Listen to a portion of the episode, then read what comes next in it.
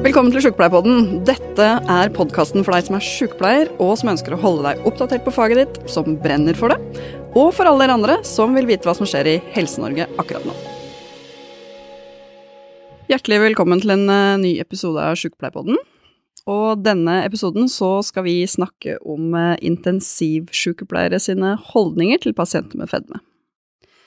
Fordi klarer vi som sykepleiere egentlig å møte alle pasienter på samme måte?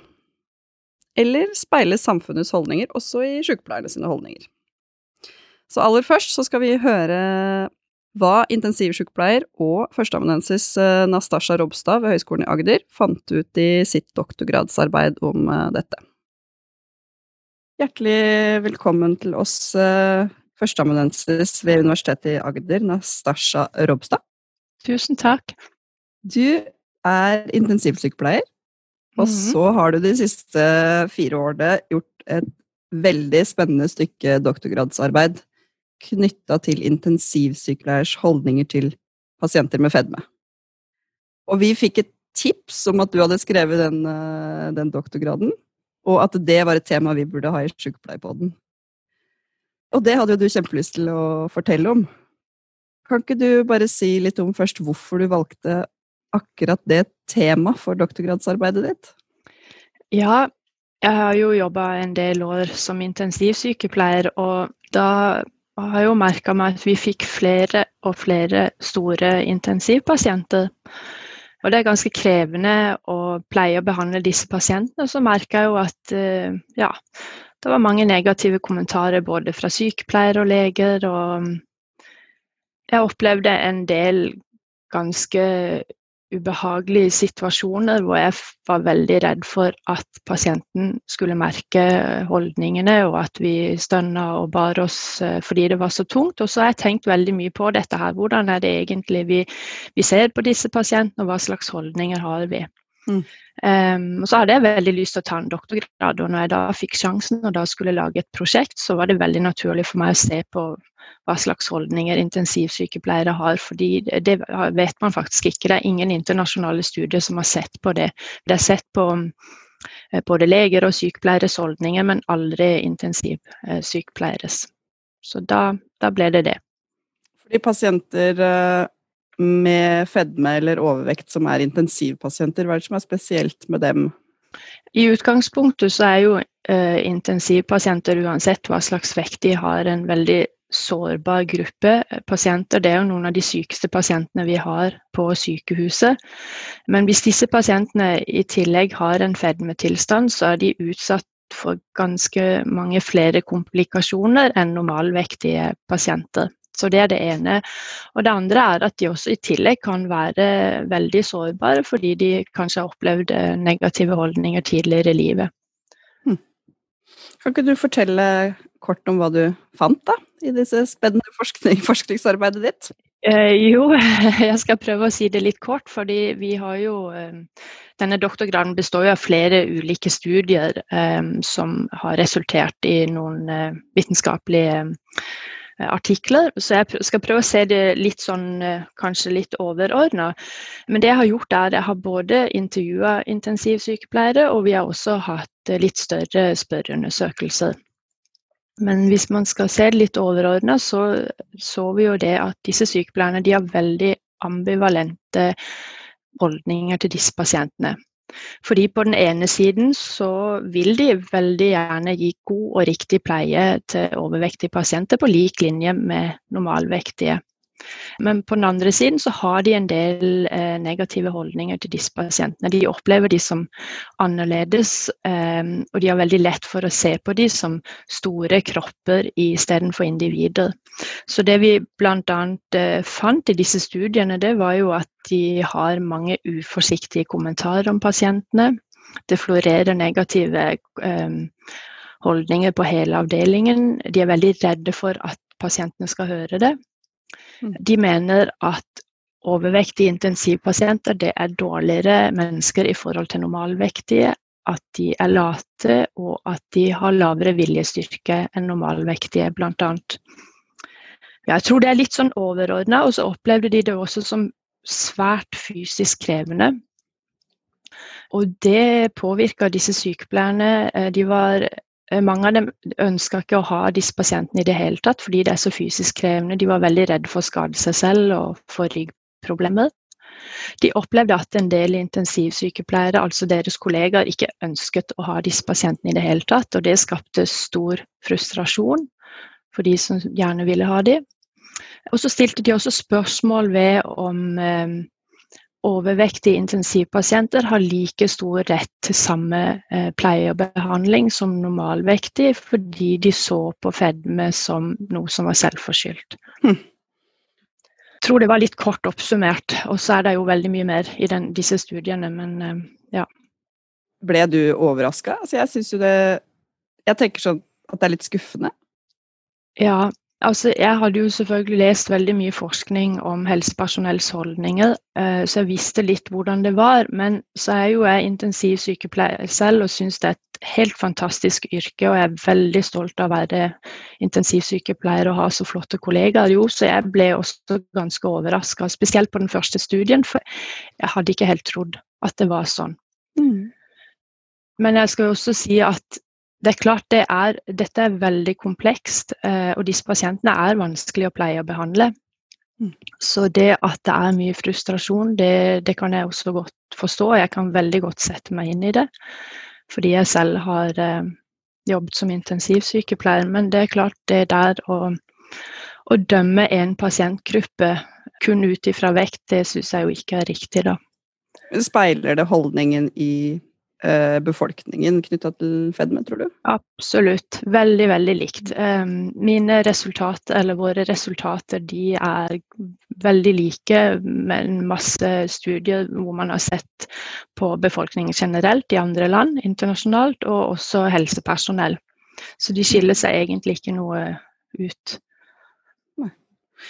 hvis sykepleierne har disse holdningene, og du, og du, hadde jo masse ulike metodikk for å finne ut av det, du så jo liksom på de implisitte og de eksplisitte holdningene, mm. eksempel. Så selv om de kanskje sa at de ikke hadde fordommer mot pasienter med fedme, så kanskje du oppdaget at de hadde det. Kan du ja. litt om den metodikken, for det syns jeg var litt uh, interessant? Ja, det er kjempespennende. Uh, Kort fortalt, eksplisitte holdninger det er holdninger som vi vet at vi har, og som vi kan fortelle at vi har. Og hvis vi får et spørreskjema, så kan vi krysse av og, og rapportere holdningene våre. Og det fungerer veldig fint i mange typer studier, men når man skal se på et sensitivt tema, sånn som man kan tenke seg at holdninger til fedme er, så vet man fra tidligere forskning at man har en tendens til å underrapportere, altså at man pynter litt eh, mm. på resultatene. Og Da kan man måle implisitte holdninger. Og implisitte holdninger det er ubevisste holdninger. Det er holdninger vi rett og slett ikke vet vi har, men som er en del av oss. Det som er spennende med implisitte holdninger, det er at man tenker at det er de som påvirker litt mer impulsive handlinger, altså handlinger som ikke vi tenker så mye over, til handlinger som vi gjør ganske fort. Så kan man måle implisitte holdninger da, ved en helt spesiell test, hvor eh, deltakerne får en masse forskjellige ord på en dataskjerm, og så skal de kategorisere så fort de kan. Og så måler vi dette reaksjonstiden i millisekund. Mm. Eh, sånn helt enkelt fortalt, for det er egentlig ganske komplisert. Mm. Eh, men vi så på dette også, og da så vi veldig tydelig at eh, disse Intensivsykepleierne de hadde ganske sterke implisitte negative holdninger til overvektige pasienter. Hm. Eh, og så hadde de da noen gode utslag på eh, de eksplisitte holdningene og en del negative. Så det viser jo på en måte at det nok underrapporteres en del, altså, hm. på disse holdningene. Tror, eller så du på det om vi ga dårligere pleie til denne pasientgruppen Altså, ja. Du finner at vi har dårligere holdninger, men resulterer det i dårligere pleie? Vi så på det også, og det er klart at det å um, på en måte måle atferd eller behandling er jo veldig vanskelig. Men det vi, vi forsøkte å gjøre, det var at vi, vi, vi, lagde noe som heter vignetter. Og det er små historier fra eh, dagliglivet på en intensivavdeling som de fleste kan kjenne seg igjen i. Og da skulle intensivsykepleierne da eh, skåre om de gjerne ville hjelpe en intensivpasient med fedme først, eller gjøre andre arbeidsoppgaver først. Eh, og da var det ganske tydelig at de ville gjerne hjelpe disse pasientene. Eh, de, de, valgte disse pasientene først, og det var jo veldig positivt. Mm. Og så forsøkte vi da å å kjøre statistiske tester hvor vi så eh, holdninger opp imot denne atferden. Og der fant vi ingen korrelasjoner. altså det vil Si at vi kunne ikke si at de negative holdningene påvirket atferd. Og det i seg selv er jo også veldig positivt. Men så er det jo sånn at eh, som sagt, atferd er veldig vanskelig å måle, og vi målte bare én liten type atferd. Mm. Så vi vet ikke om ja, vi kan jo liksom ikke si helt da, og vi kan ikke helt konkludere med at holdninger ikke påvirker deres atferd, selv om de gjorde det, eller ikke gjorde det i denne studien. I den første studien hvor vi gjorde intervjuer, så var de mye mer tydelige på, som jeg nevnte tidligere, at de, mange ønsket ikke å ha disse pasientene i det hele tatt. Mm. Og at de følte at eh, ja, det var mye negative kommentarer rundt disse pasientene. og så, nei, så akkurat å måle atferden, det er um, ganske vanskelig. Men um, vi kunne i hvert fall ikke se at holdningene i disse studiene påvirka atferd. Tusen takk for en uh, kort gjennomgang av uh, funnene dine. Det var kjempespennende. Tusen takk for at jeg ble spurt.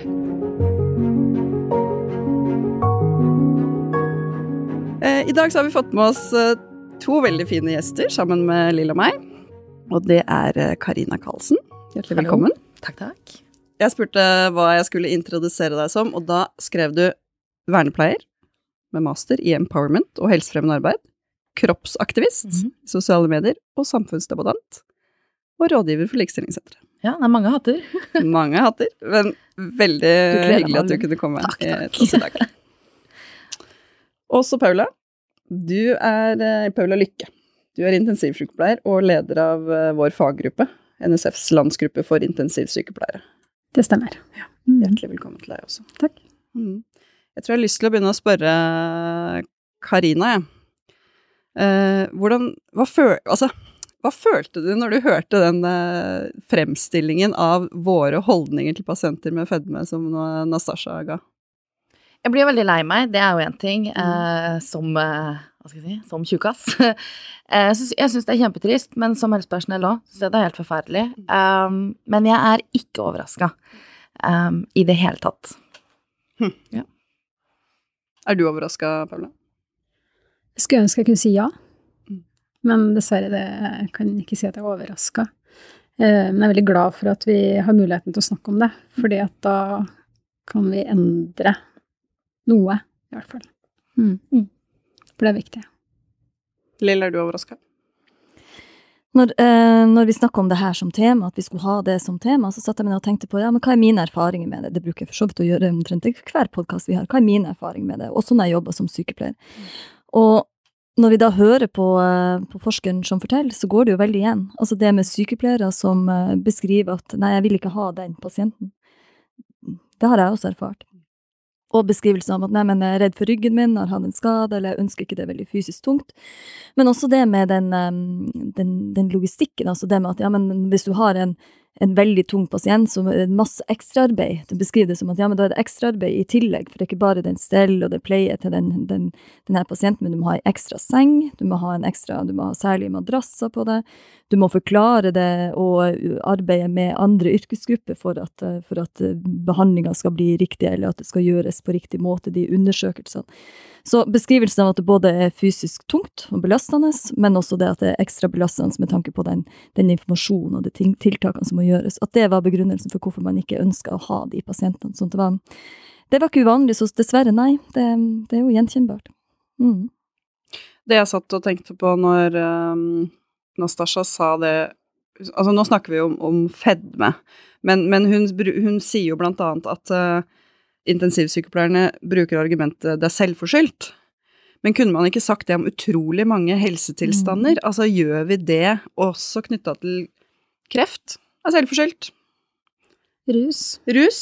Selvforskyldt. Så jeg tror at vi kan finne mange av de samme fordommene ja.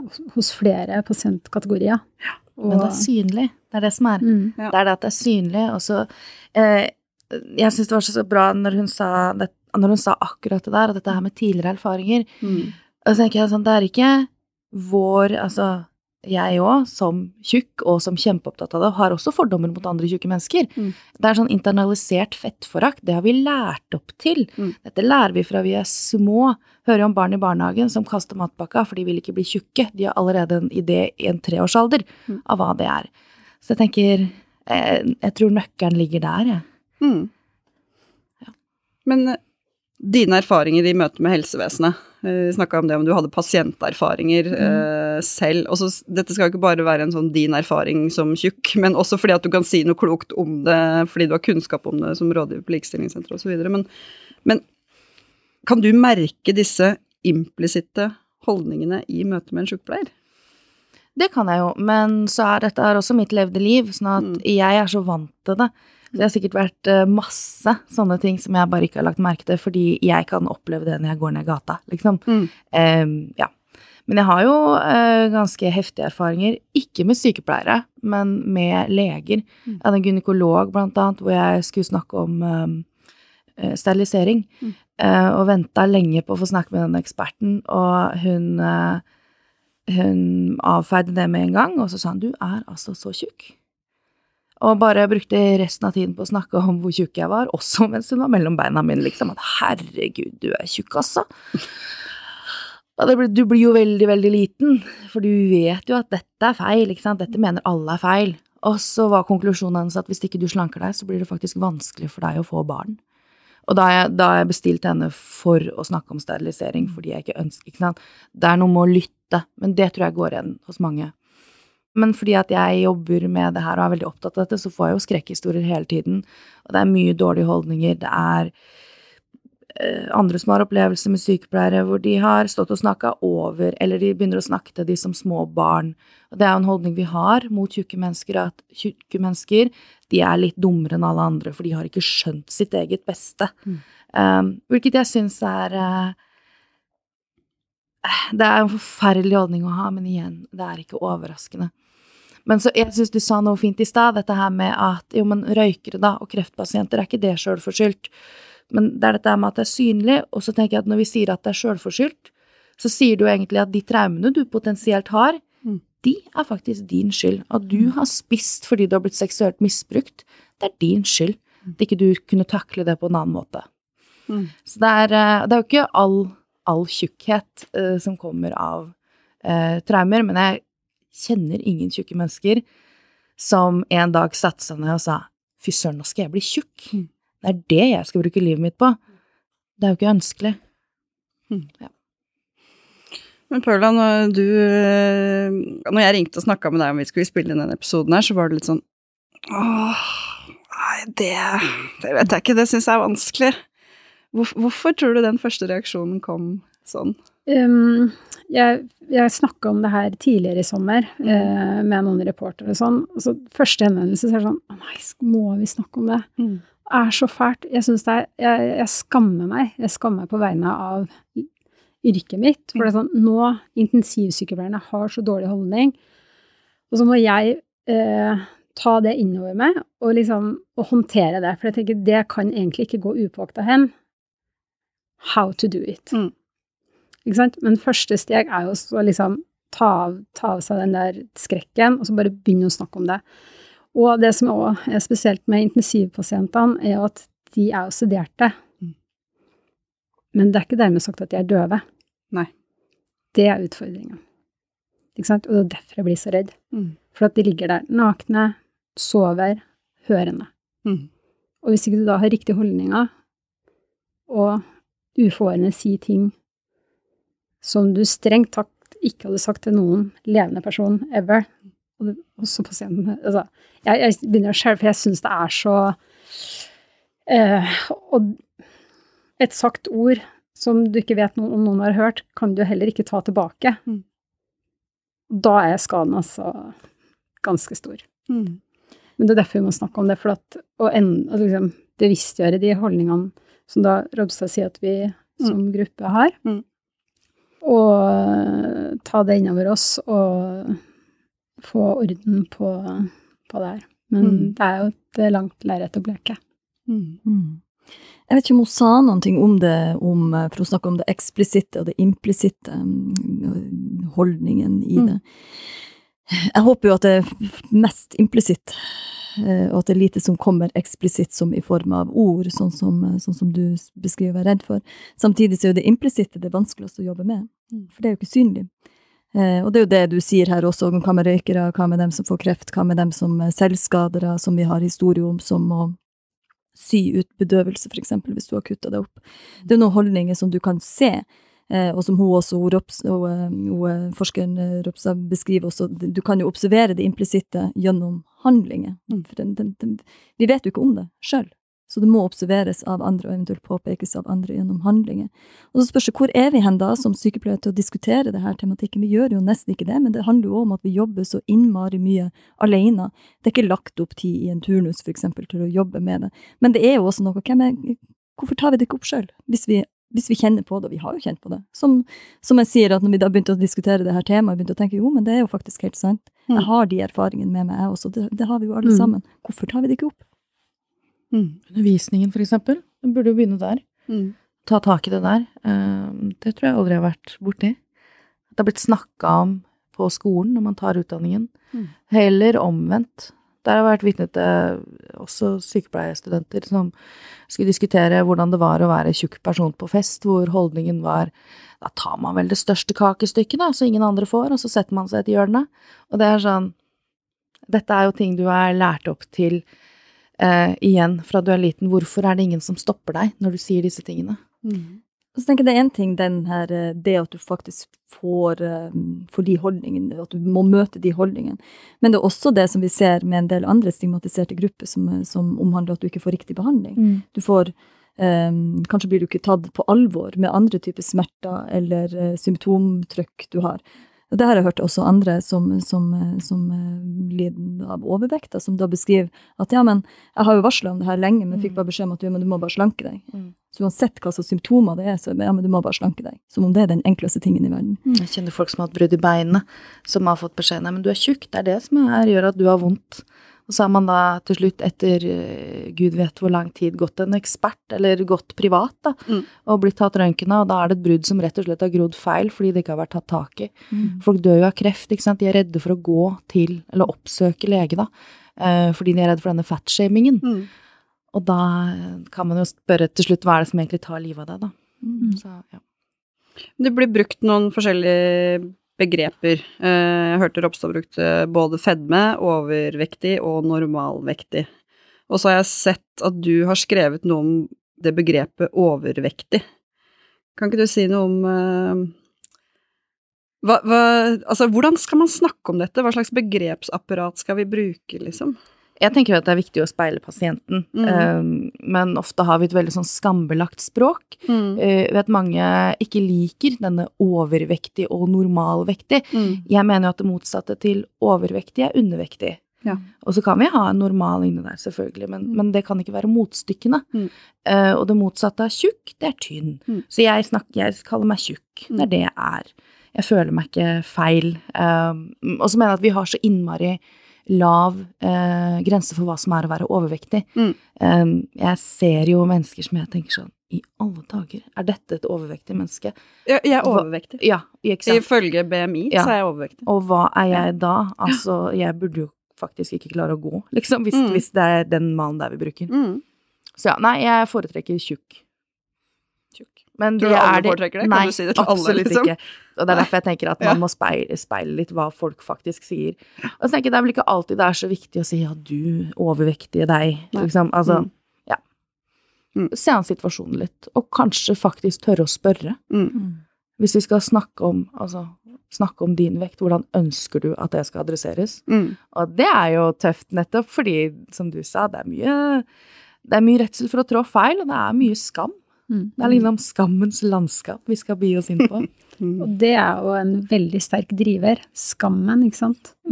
Det er en av de sterkeste driverne vi har. Uh, mm.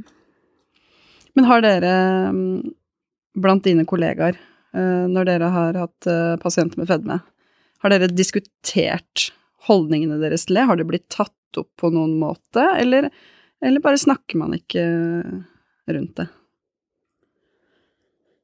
Jeg kan ikke huske at vi har tatt det opp som et, eh, et tema, men på Aker, der er liksom der, der er jeg oppdratt som sykepleier, skal jeg si. Mm. Eh, vi var en av de første som hadde fedmepoliklinikken og så alle disse her eh, eh, operasjonene som Mm. kom tidlig i 2000, eller husker ikke helt når, 2006. Så jeg føler at liksom, vi, har, vi har et ganske sånn avklart forhold til på den intensivavdelingen som dessverre er nedlagt nå. Mm. Eh, vi hadde en del pasienter som hadde fått komplikasjoner, for at du velger jo aldri å komme til en intensivavdeling. Du kommer jo dit for at det er noe som har gått skikkelig ordentlig gærent. Mm. Um, og der syns jeg at vi hadde leger som oppførte seg ordentlig, og jeg syns også mange av oss sykepleierne, men det var jo det er alltid ytterpunktene, og så er det noen, mellom, Mm. noen derimellom. Mm. Men vi har aldri, snakk, aldri tatt opp som et sånt tema at nå skal vi snakke om hvilke holdninger vi har. Det, det kan jeg da ikke hindre i det hele tatt.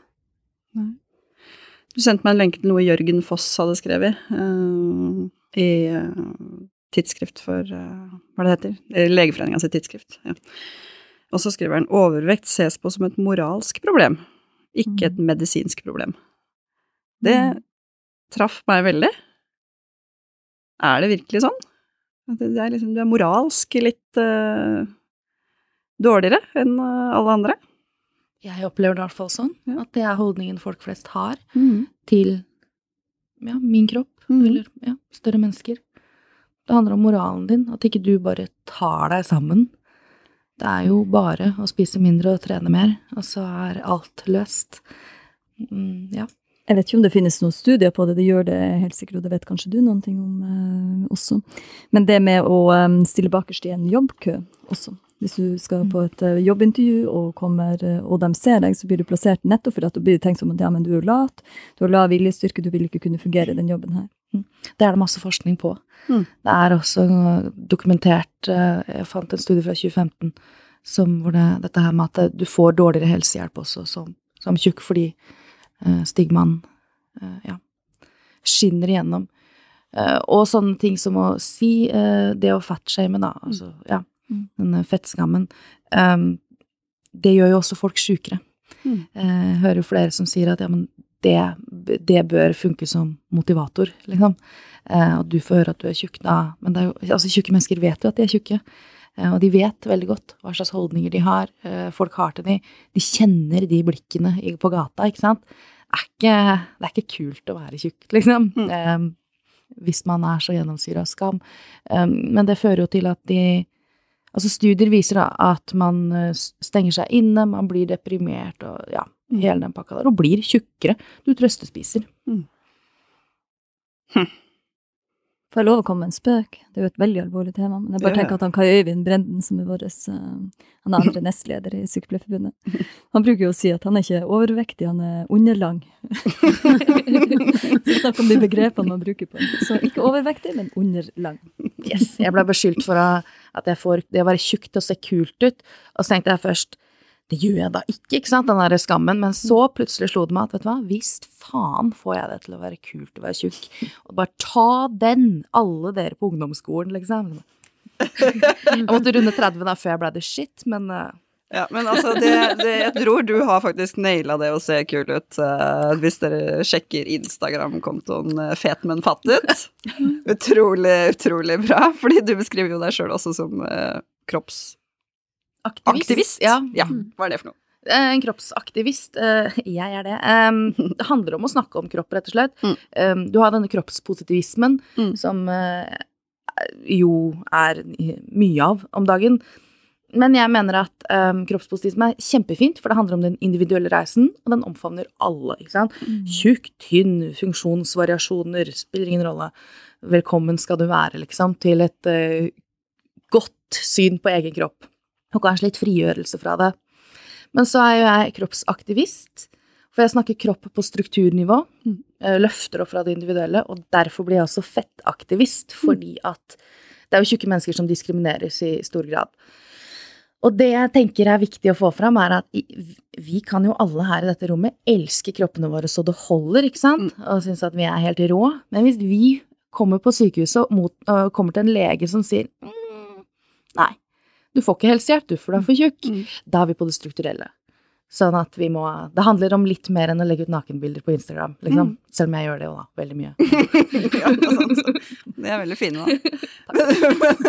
Men er det For vi har kanskje noen grenser sånn Er det sånn at vi har noen ting hvor vi sier du er for tjukk til at du kan få medisinsk behandling? Jeg vet for eksempel eh, fertilitetsbehandling, så er det vel som hun eh, gynekologen din trodde at du var interessert i når det var det motsatte, da, tydeligvis. Men det er kanskje andre ting òg. Vi sier at her er det for stor risiko knytta til vekta. På intensivpasienter, da. Nei, altså intensivpasienter behandler vi alle som Ja.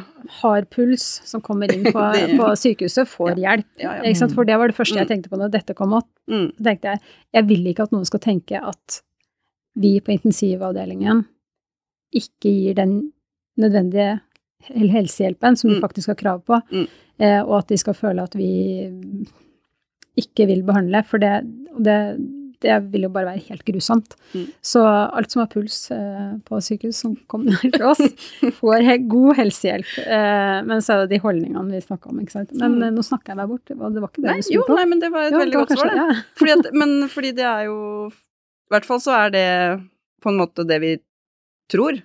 At alle får likeverdig hjelp. Men så sier man jo også noe om at det finnes jo ganske godt dokumentert at pasienter med fedme får ikke likeverdig hjelp. Nå, nå har jeg jo lest meg opp på det her til denne samtalen, at det er faktisk ganske stor forskjell på eh, hva slags tilbud om hjelp de får. Kanskje ikke knytta til intensivbehandling, som du tror det er, fordi det, der er det intensiv, for der, det er såpass kritisk at uh, vi, vi behandler alle kjempelikt. Ja. Det gjør vi. mm, Eh, og eh, tynne har eh, andre utfordringer enn Mm. tjukke. mm, Ikke sant? Hvis du skal bruke den terminologien. For at tynne mennesker tåler nesten ingenting. mm, Og lungene sprekker kanskje mye raskere fordi at de er så tynne og lange, f.eks. Mm. Så, så det er, for- vi har forskjellige kropper, og på intensiv så tilpasser vi behandlingen til eh, den kroppen du kommer med. Mm. Mm. Men det er klart at det er en del behandlinger som, eh, som fertilitetsbehandling, som du Mm. snakker om. Men eh, også det å få den eh, Jeg husker ikke hva den heter, men den, den slankeoperasjonen som Gastric. gastric ja. Sliv eller bypass. Mm. Mm. Den eh, må du òg gjerne gå ned i vekt før man får mulighet til å ta i det offentlige. Mm. Mens private i langt større grad tar det uansett. Mm. Og hvis man da tenker risiko, så er jo det, er det, det er rart at det, at det regnes eh, som greit i det private, men ikke i det offentlige. Mm. Og så har du jo, eh, med tanke på brøst, eh, altså brystreduksjon, mm. så får du òg beskjed om at du må gå ned så og så mye vekt før du får lov til å ta deg en operasjon i det offentlige igjen, mens det er Mm. annerledes i det private. Så det er flere sånne typer ting. I tillegg til det som du snakka om her i sted, med smerter fra kne og den type problematikk. Mm. Hun tar det rett og slett ikke på alvor når hun kommer og sier at du har vondt i leggen, liksom. Så bare ja, nei, men det, det har du jo. Det er jo ikke noe rart. Nei. Nei, da får du beskjed om at du må slanke deg. Du må du, liksom, du må gjøre noe sjøl aktivt. Du må slanke deg før du på en måte får noen annen type behandling. Men det fins jo solskinnshistorier òg, da. Det håper jeg. det blir veldig, veldig mørkt. Ja, det håper Ja. jeg. Ja. Det er jo sinnssykt mye bra helsepersonell der ute. Mm. Um, jeg bare tenker at det er viktig at folk som sier at nei, nei, jeg er ikke sånn. Mm. Nei, jeg har ingen fordommer. Tenker, alle har fordommer. Mm. Eh, og igjen, dette her har vi lært opp til fra vi er små, så jeg tenker at det er ikke noens skyld. Mm. vi har et samfunn som tjener fett på, pun intended, eh, at vi går rundt og tenker sånn om kropp, Mm. ikke sant. Så ja, kanskje sette seg ned og ta en liten refleksjon. Ok, men har jeg sånne fordommer? Eh, mest sannsynlig har det det, for de aller fleste har det. Mm. Vil det gå utover jobben? Og så får man Det er ikke feil å innrømme eller det, er, si, det er fint å innrømme at man tar feil også, eller ta det derifra, da. Mm. Jeg hører jo om folk som liksom har vært, herregud, fantastiske leger. Eh, en samboer som er en stor mann, og han har vært livredd for å gå til lege så lenge. Eh, Nå er jeg til lege, da, men Mm. kom på legekontoret, ung lege, og han tenkte å herregud, nei, nå, nå Mm. får jeg det. Han var altså så ålreit. Så når de liksom skulle snakke vekt, så spurte han er det greit at jeg spør om det her, er det noe du vil vente med, vil du kjenne på, ikke sant? Så han kontrollerte hele den Hm. timen. Og da tenker jeg, yeah! Mm. Der er det, ja. Men det betyr jo at uh, det har kommet litt mer inn i, um, i mindsettet da, til de Mm. nye legene. Altså, vi kan si mye rart om de gamle legene eh, i forhold til holdninger og sånt, for det har jeg opplevd eh, noen av. Men eh, hvis du skal gå på utdanning, da, så tenker jeg at Jeg er liksom oppflaska med at når jeg tar på meg uniformen, Mm. Mm. så har jeg kastet alle mine fordommer. Ja. Mm. Jo, Ja, men ja. det mener jeg. Det er liksom Ja, men nå har jeg på meg uniformen, så ikke tenk på det. Likeverdige Men de bor jo tjenester og rett til behandling. ikke sant? Sant? Ja. Mm. Mm, ikke sant? At nå er jeg ikke meg lenger, nå er jeg Ja, Florence Nightingale. Ja. Men det er jo det Ropstad avslører så vilt, da, med de implisitte fordommene. At bare Vi kan godt tro det. Vi kan godt si at vi har en sånn etikk som sitter i oss, men vi er bare mennesker. Men det er mitt poeng med at vi faktisk trenger de refleksjonsrommene når Mm. vi er på jobb.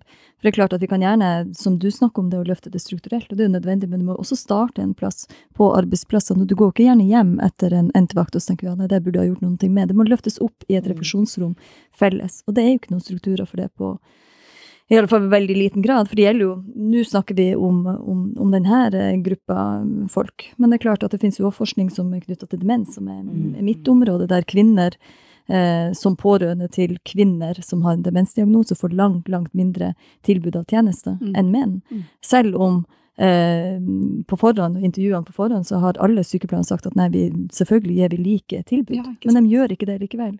Og da er det jo det implisitte som vi må ta tak i, for det eksplisitte kan vi høre, og da kan vi eh, korrigere det når, det når det er mulighet for det, men det implisitte, det er den vi er nødt til å diskutere. Mm. Og det gjør vi jo her nå, så vi håper jo at den her også kan brukes, den podkasten her òg kan brukes til nettopp det. Mm.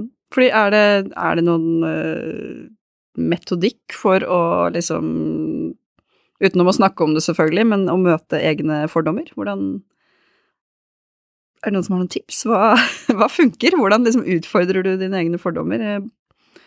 Knytta til fedme, da, siden det er det vi snakker om nå. Nå er jeg sånn sosiale medier-dame, da. Ja. Så jeg tenker å utvide litt der. Hvem er det du følger? Begynn å følge tjukke mennesker, da. Ja. Eller eh, mennesker som ikke passer inn i, ja, i normen. Eh, og blir faktisk vant til å se det, tror jeg er ganske viktig. Mm. Mm. Det er jo et veldig sånn praktisk, eh, praktisk tips, da. Jo, men jeg tror det er litt, litt der vi må starte, at man må bli vant til det. Det Mm. har jo jeg måttet bli også. Jeg fulgte jo bare modeller Mm. eh, hele livet, liksom. Mennesker jeg aldri kan bli som. Mm.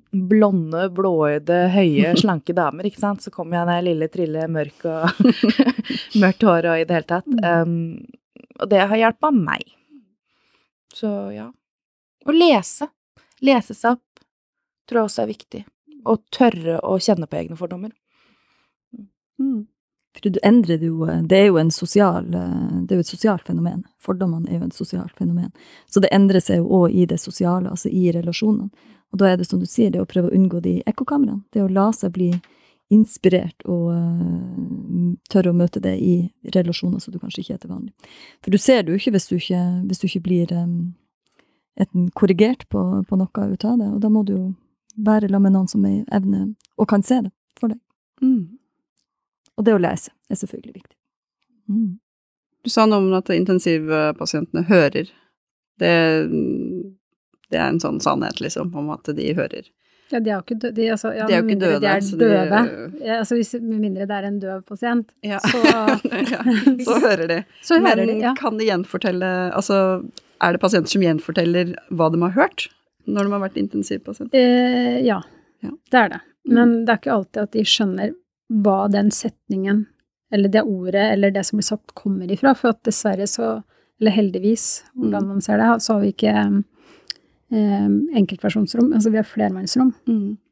Nå glemte vi sitter om jeg skal si enkeltmanns eller kvinne, eller Mhm. Plutselig sånn ah, Hva er fordommene? Um, eh, så det å ligge på eh, flermannsstue, Mm. på intensiv, så kan du snakke om én pasient, og så høre pasienten ved siden av hva som blir sagt. Ja. For eksempel 'Dette går ikke så bra'. Mm. Så ligger du der og er sedert og sover. Mm. Hører at 'dette går ikke så bra'. Å, fuck. Mm. Dø. Nei, skal jeg dø? Men hva skjer med hunden min? Og mange ligger også og tenker på regninger altså, og, og, Men jeg kan ikke formidle noe, ikke sant. Så, og deliriske til tider. Og. Men eh, så de, det er mange som har rapportert om ting som er blitt sagt på stua. Mm. Det er òg en del forskning på det knytta til Sissel Lisa Soli, blant annet i, i Tromsø, som har jobba med det med der intensivdagbøkene. Mm. Som er sånn veldig fint, der de eh, intensivsykepleierne også har skrevet dagbøker omkring det som blir sagt, ikke bare på den her, altså den her gjeldende pasienten sitt eh, med sine pårørende, men det, de, det som skjer rundt. Mm. Sånn at de kan faktisk eh, få hjelp til å forklare det de eventuelt husker i etterkant, som er rart eller vanskelig for dem i Mm. etterkant. Så det å gå gjennom de dagbøkene i lag med en intensivsykepleier i etterkant. Mm. Så hvis de, de pasientene da husker det de husker når de våkner opp igjen, er det noen sykepleiere som har stått og stønna over at de var så tunge å flytte på i stell, så kan de rett og slett De kan huske det, liksom. Ja. Det, Og kanskje ikke engang vite om det var Er det, altså, er det reelt? Er det noe vi drømte? Det oppleves jo gjerne Det er jo det som blir beskrevet som at det er en sånn mareritt eller drøm. Som Altså, som det er veldig tungt å flytte på en person som sover, eller som Mm. ikke har noe muskel, som ikke kan, eller kanskje stritter imot også. Ikke sant? Så det kan, hvem som helst kan føle seg tung i en sånn setting, eller være tung. Eh, men så er det også med arbeidsgiver skal jo legge til rette for.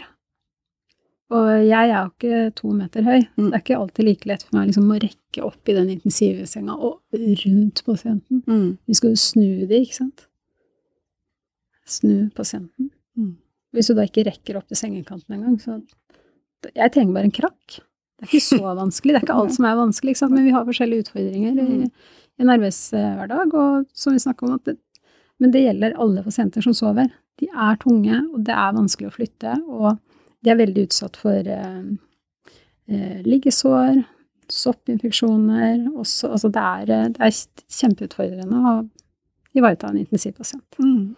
Men, men det, det er noe interessant i det der. For det ene er jo den stigmadelen, og det implisitte og det eksplisitte som vi er nødt til å jobbe med som sykepleiere, som helsepersonell. Mm.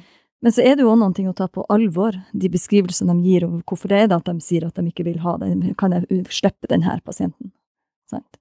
Og da er det noe med som arbeidsgiver så må du også se på hva er det som ligger der. For det ene er jo som jeg sier stigma, men det andre er jo noen reelle utfordringer for de sykepleierne som kanskje ikke har en eh, heis som er tilpassa, eller eh, hjelp til løftesystemet, eller den krakken som du beskriver. Også. Så det å kunne tenke to tanker samtidig, for at det, kan, det er jo et uttrykk for stigma, men det er samtidig også et uttrykk for noen løsninger som, arbe ja, som arbeidsgiver er nødt til å eh, ta tak i. Mm. Men hvis vi ikke snakker om det, så skjer det ingenting. Nei. Verken av det ene eller det andre. Mm. Ikke sant? Mm. Så det um, Det, å prate det var det uh, Robstad skulle gå inn og se på nå, var pasientens opplevelse, da. Så nå drev de og rekrutterte pasienter uh, til å spørre hvordan de hadde opplevd Om de merka, på en måte, holdningene. Fordi sykepleierne sier jo at ja, vi har disse holdningene, men pasienten kan ikke merke det. Så det er jo et, Men jeg tror, som du sier, Karina, det er jo litt naivt å tro at pasienten ikke merker at du har sånne holdninger, fordi man De fleste har jo såpass sosiale antenner at du Hvis noen ser på deg med et visst blikk, så skjønner du Så kan du i hvert fall ha en idé om at eh, det de prøver å formidle, at du skjønner det. Du skal være rimelig god for å klare å skjule holdningene dine, Ja. um, og være veldig bevisst på de. Mm. Og så må man jo huske på at selv om du uh, Altså, pasienten tolker også. Det er ikke sikkert at du mente blikket på den måten, men det kan hende det er sånn jeg tolker det, nettopp basert på gamle Mm. hendelser. Og syns jeg også det er viktig å møte dere som jo jobber med det her på Ja, det er jo kjempeutfordrende med store pasienter. Nå har jeg bare jobba i bolig, men det er jo utfordrende. Folk er tunge. Um, jeg tenker at det er viktig å anerkjenne det, um, men, men at det er holdningene vi må endre likevel, da. Mm. Men tenker du at det har vært noe At det er, at det er mer stigma nå enn for kanskje 30 år siden? Det syns jeg er vanskelig å si, men jeg syns kanskje vi er enda mer opptatt av kropp nå, nettopp fordi at vi har det i lomma hele tiden eh, med sosiale medier. Det er sånn gjennomsyra på det. Mm. Ble jeg født for 30 år siden? Ja, for jeg, jeg tenker at jeg er eldst i rommet her. Jeg er jo snart 50. Så eh, når jeg, jeg hadde jo ikke en smartphone, og også hun Ida Farmo har jo skrevet en bok, eh, 'Bullshit-filteret', Mm, mm. Hvor, hvor vi blir mer og mer eh, Alle blir, ligner mer og mer på hverandre. Vi tenker sånn 'Å, gud, jeg er så original', men du går jo litt. Mm. Ikke sant? Og hun Skavlan har jo også sett på noe, så vi, vi har, alle har lyst til å være sånn like, å være blonde, høye, lyse, Mm. tynne, fagre. Men, men så jeg opplever at det er mer av det nå enn da jeg var tenåring. Hos mine døtre, i hvert fall. Mm. Jeg kan ikke huske at jeg tenkte over hva jeg hadde på meg, eller noen ting. Men der er jo jeg enig, fordi at øh, jeg også ser jo på tenåring Jeg har en søster nå, liksom. Hun er typ 16, og jeg er helt sånn Å, herregud. Mm. Uh, jeg hadde vel akkurat slutta å leke med My Little Pony eller noe sånt jeg var typ 13. Så, og de er så voksne, og de er så opptatt av dette her. Eh, Sitter og redigerer kroppen sin på Mm. apper og ja. Og så er jo kropp trend, tenker jeg. Og så er det litt sånn Nå er det Altså det, det kan vi se fra typ 1900-tallet til i dag, så har det jo forandra seg. Hvert tiår har liksom sin Mm. såkalte normkropp. eh, og ingen kan jo vinne i det gamet der. Tenk Hvis du ser fra 50-tallet til 60-tallet, så er det jo en enorm uh, utvikling fra timeglass til mm, hva skal jeg si guttefasong i mangel på noe bedre. Mm, men tenker at det med trening og sånn før var det jo status å være tjukk, fordi da hadde du penger, i hvert Mm. fall i uh, vår del av verden, uh, og ha råd til mat. Og nå er det det å være mm, slank som heller er status, fordi at vi sitter på kontor, de, er veldig mange av oss. Mm, vi har uh, hektiske liv, også hvis du da i tillegg får liksom klemt inn og fått trent der, Mm. da, da er du vinneren i samfunnet. Så det er, ja, det er jo mye greier her. Men, men ja, for å svare på Mm. spørsmålet i- Ja, jeg tror kanskje det er verre. Det er jo fælt å si, men jeg er veldig glad jeg ikke er typ 15-16 i dag. Jeg også. Oh, ja, si. Sosial, tenk å ha sosiale medier trygt oppi ansiktet hele tida, som de ungdommene har nå. Ja, så vi hadde jo jeg, Eller når jeg var eh, barn, sånn, så tror jeg jeg hadde én time med media per døgn. Nå Mm. tror jeg de er oppe i åtte-ni timer med media per døgn. Mm. Ja. Altså, det er jo ikke rart at man blir litt sånn sprø av det, for du ser jo bare sånn vellykkethet på Vi trenger å få dem til å følge, følge deg. ja. Det blir mye nakne fjortiser. Mer enn nå. Nei, men det er en helt annen diskusjon. Men akkurat det med uh, kildekritikk og det å forstå sosiale medier, det burde vært inn i skolen for lenge siden. Mm. Det uh, virker for meg som om regjeringen sliter litt med De har uh, starta noen retningslinjer for influensere og sånn, men så har det stoppa opp. Og det er jo Ja. Influenser nå blir jo influert av noe. Her syns jeg jo helsesista, som er helsesykepleiere, eh, gjør en veldig god jobb. Nettopp med å snakke om kropp og på litt lignende måte enn sånn som du også gjør. her. Mm. Det å nå ut til ungdom i denne, denne alderen med Som du sier, det starter når du er barn, med hva du vil være om du er der det, hvis det, det er fettshaming allerede fra du er småbarn. Men Mm. ja, vi lærer jo liksom på skolen at det er så viktig å trene og spise epler, og at det helse henger veldig sammen med at du ikke skal påføre deg selv sykdom, på en måte. Så det, altså hele samfunnet, helsemyndighetene våre, og det vi lærer på skolen, helt sikkert på vernepleien også, men på sykepleien også, skjønner jeg at altså Det er noe med å huske på at mennesket er mye mer komplekst. At psykisk helse også henger sammen med fysisk helse, og at man liksom ikke bare er om du spiser to epler, eller om du veier under Om det er under 25 på BMI eller ikke. Det er så viktig. Hva er god helse for deg? Ja. Tipper at vi har veldig ulike definisjoner alle sammen Mm, av det. nettopp. Hvordan får vi til at også helsemyndighetene og vi som sykepleiere, som faktisk skal veilede barn og ungdom og pasienter og alt mulig, også kan si noe om det? Men jeg tenker vi og voksne trenger også vite litt mer om hva, hvordan blir vi påvirket av media. Mm. Så sykepleiere og leger og alt. Altså for at vi sitter også og scroller og Mm. ser på bilder og sånn, og så tar du egentlig ikke et sånt standpunkt til det. Nei. Det bare går rett inn i hjernen, og så lagrer seg på et eller annet nivå, og så bare dingler det av gårde. Så, og så, det er jo det du ser, Mm. som fester seg litt sånn baki der. Mm.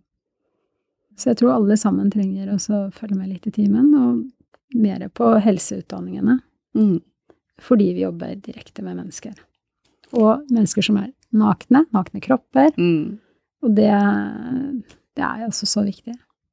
Jeg har ikke vært pasient, så jeg vet egentlig ikke hvordan Eller jeg har født barn, men det gikk jo så fort. Men eh, ellers har jeg nesten ikke vært naken på et sykehus, så det kjenner jeg at jeg det, da, da er det type intensiv Mm. som gjelder. Hvis Mm. jeg skal dit. Ellers skal det ikke være naken på sykehus. Det er godt å høre. Jeg liker ikke Nei, men det tror jeg er noe sånn det- som jeg har opplært, men jeg liker ikke å være så naken. Jeg, sånn, Du mister jo kontrollen. Mm.